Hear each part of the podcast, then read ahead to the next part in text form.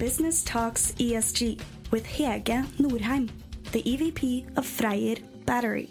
Welcome to the podcast by the Norwegian Polytechnic Society, talking environmental, social, and governance matters. Global experts with their business shoes on. Today I'm talking to Aurel Ciobanu Dordea, Director for Circular Economy in Directorate General for Environment in the European Commission. And he is speaking to me from Brussels. And we will talk about battery regulation or product regulation on ESG that is coming in the EU and how this impacts business. Welcome, Aurel. Um, good morning, uh, again. Thanks for having me. It's a pleasure. Good morning. So, Aurel, the starting point for our discussion is going to be the newly approved EU battery regulation, mm. which you have worked explicitly with from an environmental perspective. Tell us about this regulation. Well, uh, we have worked on it not only from an environmental perspective, but also from a single market uh, perspective. And our purpose uh, was, uh, our objectives were twofold. Uh, first, to improve the uh, rules concerning the manufacturing uh, and marketing uh, of the batteries in Europe, but also to address the problem of the um, environmental impact of uh, batteries. So we had uh, t- we have taken a life cycle approach to the hmm. regulation of this important um, uh, element uh, or important good for the environmental uh, and uh, climate and decarbonization um, uh, transition, the green transition of our political uh, continent. So hmm. we believe that we have struck a fair deal uh, it's a good uh, regulation. It contains uh, rules uh, which on which we have worked together with the industry as well, but also with environmental uh, NGOs, in order to bring forward um, a set of uh, a, a, regulation which receives wide support. And of course, mm. the hmm. dimension of sustainability, uh, again, as I said, the market dimension is a very important one. The dimension of sustainability is a very important one, sustainability and uh, resilience. We place uh, higher um, uh, emphasis uh, than mm. in the past, for instance, on uh, recycling, mandatory recycling, recycled content. Mm um, this is very important, in particular nowadays, uh, learning from the experience we have accumulated uh, with the COVID crisis, with the weaponization of uh, global supply chains by important uh, uh, powers which have a, significant contribution to these global supply chains, we have realized that the dimension of strategic autonomy is a very important one. And I would like to say that also from this perspective, perspective, the batteries regulation, which uh, has just been endorsed by the European Parliament and by the Council of the European uh, Uh, union, must be seen in the context of a more strategic approach that the European Union has taken since a number of years with a batteries strategic uh, plan adopted a few years ago. Mm. And uh, you have to see it also in the context of the Net Zero uh, Industrial uh, Act, which was uh, proposed by the European Commission a few months uh, ago. And batteries are one of the eight strategic technologies on which we need to develop manufacturing manufacturing in Europe in a way uh, as um, in a way to balance uh, the, what the Americans have done with the Inflation Reduction uh, Act. Mm. So to make Europe a continent which is attractive for investments, not just for the marketing of uh, batteries, but for investments in the manufacturing and recycling of uh, batteries and the management of uh, their end of life. Um, and uh, one last element of context is the Critical Raw Materials uh, Act, which uh, maybe does refers less to the batteries in uh, themselves, but uh, uh, illustrates the important concern of strategic autonomy that is on the rise within the European Union and the need also to create some strategic stocks at the level of the member states. Hmm. So green technology, which battery is part of, is is becoming very strategically important, and the EU has chosen, and in a way, you know, the work on the battery regulation started years ago, two, three years ago, and and then it sort of really has become you know come into the center of, of, geopolitics as well. But when you started back then and, and also through this work and as we are now going into the phase of implementing and delegated acts um, what are the environmental issues that has been you mentioned recycling but could you sort of tell us a bit you know what are the environmental issues that you are addressing? And also when you say life cycle approach it, you know it means that you've actually also looked at the supply chain of a battery which and the environmental impacts which then takes us into a global economy really and global suppliers. Mm-hmm. what are the environmental issues and, and how and, and what do you mean by life cycle? Yeah. Uh, we mean by life uh, indeed i mean a few words about uh, how we came uh, forward with the uh, batteries uh, regulation. Indeed it mm. is a flagship measure in 2020, the European Union, uh, the, the Commission in particular, has adopted a circular economy action plan, which was a sort of uh, legislative and non-legislative agenda for the European Union for the next uh, five years in the area of uh, circular economy. And uh, the batteries regulation was indicated as a flagship measure where the sustainability dimension will come more prominently uh, to the fore. And mm. this is what we mean by a life cycle approach. Uh, we have understood uh, over the years and the decades since we are working on single market issues, but also on product uh, regulation, that uh, the extensive development of our industries and of our production and of our consumption and of our lifestyles cannot continue indefinitely because of the finitude of the global resources, the mm. resources in Europe. Europe is a relatively uh, modest continent from the uh, perspective of uh, raw materials. And in particular, mm. a number of strategic raw materials are uh, patently absent from, uh, mm. manifestly absent uh, from Europe. So we need to develop an intensive approach rather than extensive approach. Uh, and uh, sustainability, uh, recycling, reuse are very important dimensions. But we have realized that in order to control the material consumption, 80% of the environmental impacts are uh, uh, can be tackled from the design angle of a product. And this is what we have uh, tried with the batteries regulation as a standard to be followed by other sectoral product uh, regulations. And we have also developed this more recently. Last year, we brought to the fore uh, a horizontal approach, also a life cycle approach in terms of eco design for sustainable products. And mm. we have proposed a regulation that will take, will scale up the batteries model uh, to the level of almost all products which will be in the future manufactured and or placed on the European uh, market. With the exception, the uh, eco design for sustainable product regulation uh, covers uh, everything with the exception of uh, food, feedstock, medicines, and maybe uh, maybe automotives because oh. these are regulated uh, separately.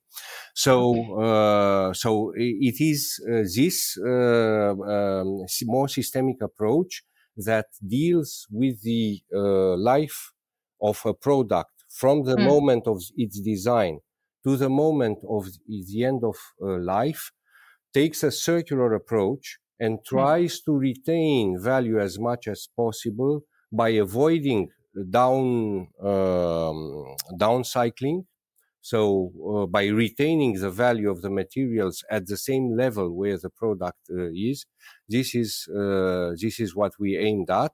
Uh, you have asked me about a number of uh, let's say prominent sustainability uh, future.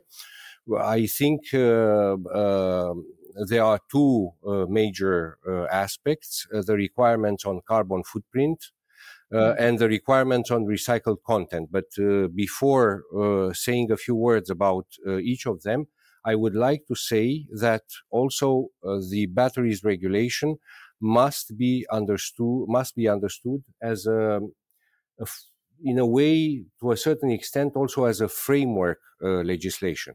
A good number of substantive rules are already enshrined in the regulation which which has just been adopted by the co-legislators uh, of the European uh, Union, but there will be some more detailed rules mm. to follow in the next years.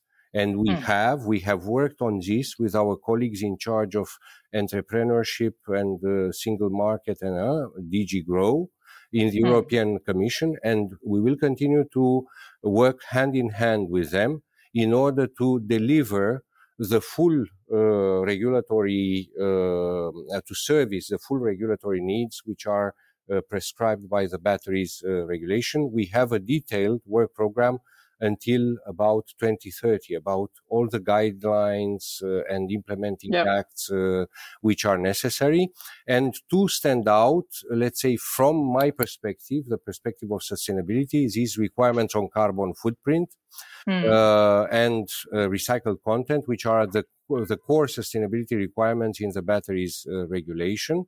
We have um, uh, the requirement on carbon footprint was singled out from the wider product environmental footprint perspective, where we have 16 indicators for two reasons. It is the most uh, prevalent indicator for most uh, chemistries. And the second reason, it is an indicator where manufacturer, it's an area where manufacturers can make a substantial difference as battery cell manufacturing is rather energy uh, intensive. So this will uh, call uh, upon the talents and the uh, capacity to innovate of battery manufacturers. Mm. The availability of industry-led uh, environmental footprint uh, category rules for rechargeable lithium-ion batteries in 2019 prompted us to believe that it would be possible to come up with widely accepted rules to calculate the carbon footprint for um, electric vehicle and for industrial batteries uh, alike. So what I want to say with this is that we are building on precedent. And mm. maybe if you allow me, a few words also about the requirements on recycled content. Please. They were identified uh, as important because the secondary raw material uh, markets uh, for battery manufacturing are not working properly in the EU. Uh, and uh, we uh, believe that we need a boost in particular in the light of the uh, strategic autonomy considerations I was referring to a few moments uh, ago. Uh, we need a, a boost, uh, and uh, we need a boost, and by putting, by using economic instruments, putting a price on recycling, and this is what we are doing when we are mandating recycled content in the manufacturing of new uh, batteries. We uh, stimulate recycling and we put a price, uh, we make it economically uh, interesting. The regulatory intervention will provide legal certainty for investing in the necessary recycling capacities, and the material recovery targets will result in the availability of secondary battery grade materials that will be absorbed, should be absorbed by the demand for fresh uh, battery manufacturing. Um, there is a, a review uh, clause for 2028. We can correct course if the anticip uh, anticipated availability of secondary raw materials fail to uh, materialize. Hmm. It will be very interesting to see, and I think there's a lot of debate in the industry about the, you know, not about the methodology to um, especially on climate uh, on how to calculate that for on the battery product level, but also um, and then you know the the the what you've done is really to require transparency on the numbers, both on recycling and on climate uh, footprint. But then you've set some some you've set some targets for recycling, which are very debated in the industry whether you know they're too strict, uh, too high. And then you've you've announced that there will be a, a, a max uh, tar- target also for the climate footprint, which will be interesting to, to, to be working on with with the Commission going forward. I guess, and as you said, you know what's interesting for everybody else who's not in the battery industry about this battery regulation is the idea that this is going to be a, a showcase for other products. So, so tell. So one of the things that's in the battery regulation is the uh, request for a battery passport. Digital where, product passport. Yeah. Exactly, mm-hmm. where we are meant to, on a battery cell or battery pack level, uh, upload all this information about the product and make it available uh, also on ESG issues, including actually um, uh, requirements on ESG due, due diligence uh, connected to four four min- minerals uh, as a starting point, as I see it. So, uh, you know, is that a new is that a new thing with a with a digital product passport? Yes, it is a new thing. Uh, we con- our idea was uh, to make it applicable to all uh, products. So this is why it appears in the proposal we've made uh, last year, and I which I mentioned briefly, the Eco Design for Sustainable Product uh, Regulation. However, for convenience reasons, because we came forward with the in the light of the needs of the market with the batteries uh, regulation uh, and we rushed a little bit in order to serve the strategic needs of the European uh, Union we have placed already requirements for batteries passport in the uh, regulation. So hmm. the batteries regulation and coming up with a passport that functions and delivers the expected results will be a test case for uh, the uh, digital product passport more uh, generally, and we will learn lessons uh, which will be useful uh, in mm. order to address it in the area of uh, textiles, for instance, or footwear or furniture and so on. Products yep. which on which we will regulate later under ESPR. Um, so uh, we are working uh, also together with uh, colleagues who are more expert than us in, let's say, um, information technologies and in um, uh, other uh, areas in order to uh, build a concept. And we are testing a number of features already by working with also with economic operators, innovators, colleagues from across many services of the European Commission. So we test in practice a number of features. So this will not be uh, highly theoretical only uh, concept that we will bring forward when we will uh, regulate the digital uh, product passport. We are very much aware that we cannot afford to make mistakes and that it has to work perfectly from the very beginning because it will have an impact on the market. It will be mm. To batteries which will go uh, on the market. And it, it's a system where uh, different types of information, including about due diligence obligations, as you have mentioned, and supply chains, uh, supply chain uh, will be uh, included uh, in the passport. and will the passport will allow different degrees of access to this data. Uh, the mm. consumers will have a certain uh, uh, grade of access. The, for instance, the repair services will have a certain degree of access, including to data about the reparability and the rep- the replacement of certain elements in uh, batteries. Public authorities, manufacturers, and uh, traders will have different degrees of access to the information, and we will make sure that the uh, economically important uh, information that uh, on which manufacturers have proprietary rights, intellectual mm. property rights, business hmm. secrets, trade secrets, uh, they will be preserved uh, and uh, maybe partly disclosable only for enforcement purposes. Mm-hmm. So it's going to be very interesting, and uh, and I can see a lot of software companies uh, being being very interested in yes. this, of course. So I wanted to touch on what you also just mentioned. You know, the the impact of your requirements, but maybe particularly on on the on both on climate change or the climate footprint as well as the due diligence requires us as battery producers and then other product product uh, manufacturers as well later to you know to have quite a lot of engagement then with our supply chain. And it's global. So and it's actually you know all the way from the beginning of of the of the minerals in our case the mining activity and through the process industry and then to our manufacturing cell assembly or cell production um, part of the value chain.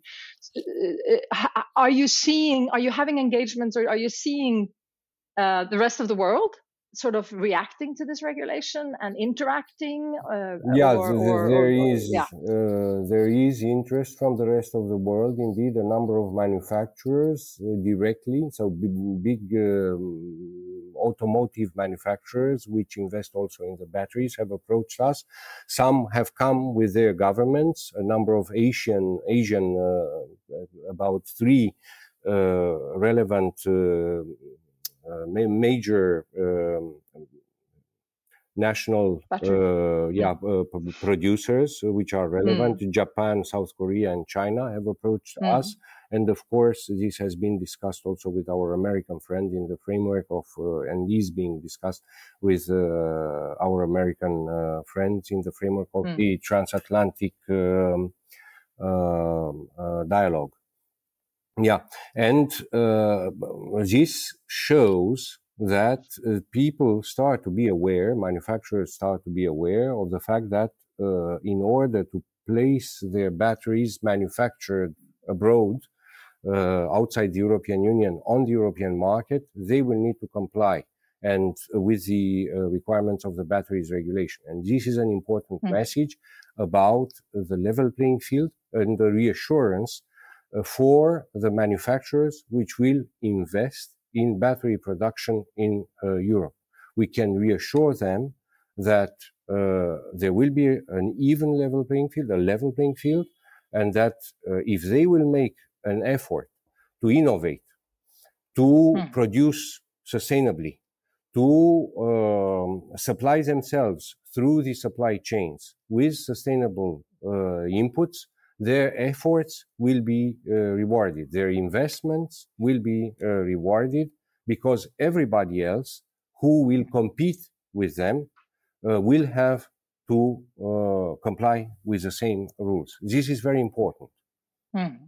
Do you see or do you hear in these conversations with other governments, that, maybe particularly in the US, but also in, in the Asian uh, region, any will uh, to align on on methods on requirements on approaches. And i guess it also i mean actually applies within the eu you know the eu has put forward an eu taxonomy uh, with methodology for due diligence for example um, the corporate sustainability reporting directive which addresses a lot of these issues and where we're also required to report on a value chain basis or a supply chain basis the corporate sustainability due diligence directive is coming.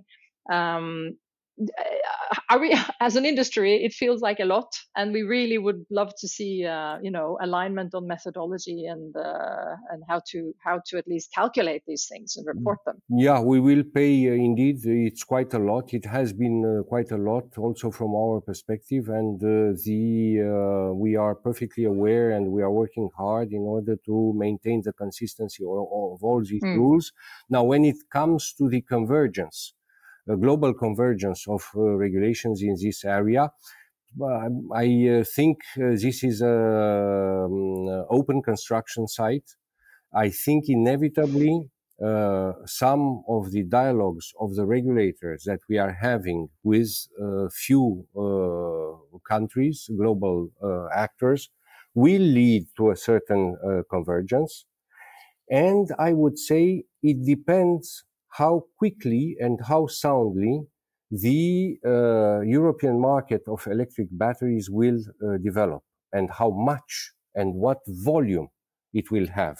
The more hmm. volume the manufacturing here and the sales uh, here in Europe and the electrification of the car park, to put it in very broad mm. terms, will take place, the more uh, leverage we will have in regulatory terms on the global uh, arena.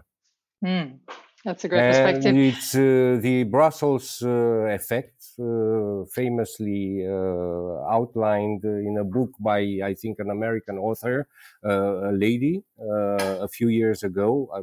her name escapes me right now, but but it depends how fast you develop and how big you are how successful you are basically yeah, yeah. Thank you so much, Aurel. This has been fascinating, and I think uh, obviously for us in the battery industry, uh, we are uh, challenged, but also inspired. And I think for those of us who want to produce, you know, clean and uh, let's say fair batteries that actually, uh, you know, we're proud of, think that this regulation gives us an opportunity to showcase that and compete on a on a level playing field. So, so thank you very much for the work. Thank you very, very much for your time this morning. Um, so this is Hege Norheim, who has just spoken to Aurel Ciobanu Dordea, Director for Circular Economy in Directorate General for Environment in the European Commission. Have a continuously great day, all of you out there listening to us. Thank you for listening to Business Talks ESG from the Norwegian Polytechnic Society. Business talks, and so do your actions.